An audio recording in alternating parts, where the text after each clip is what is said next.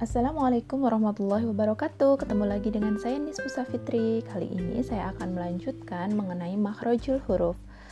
Uh, Untuk mengingat kembali, apa sih makhrajul huruf? Makhrajul huruf berarti tempat-tempat keluarnya huruf.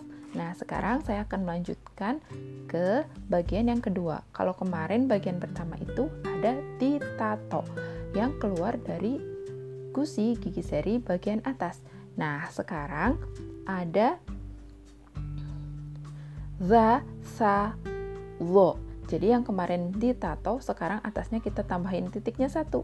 Jadi za, sa, lo.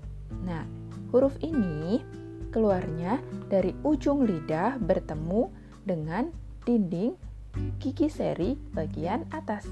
Ujung lidah bertemu dengan dinding gigi seri bagian atas. Nah, kalau menurut sifatul hurufnya, za itu jahar, rohwah, istifal, infitah, ismat. Kalau huruf sa itu sifatul hurufnya hamas, rohwah, istifal, infitah, dan ismat. Kalau huruf dho itu jahar, rohwah, istilah, itbaq, dan ismat.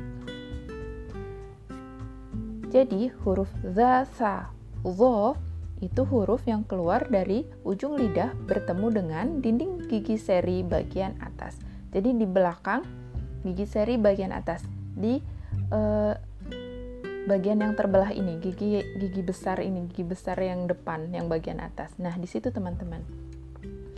Sekian untuk uh, mahrujul huruf kali ini. Kita lanjutkan besok lagi ya, teman-teman. Assalamualaikum warahmatullahi wabarakatuh.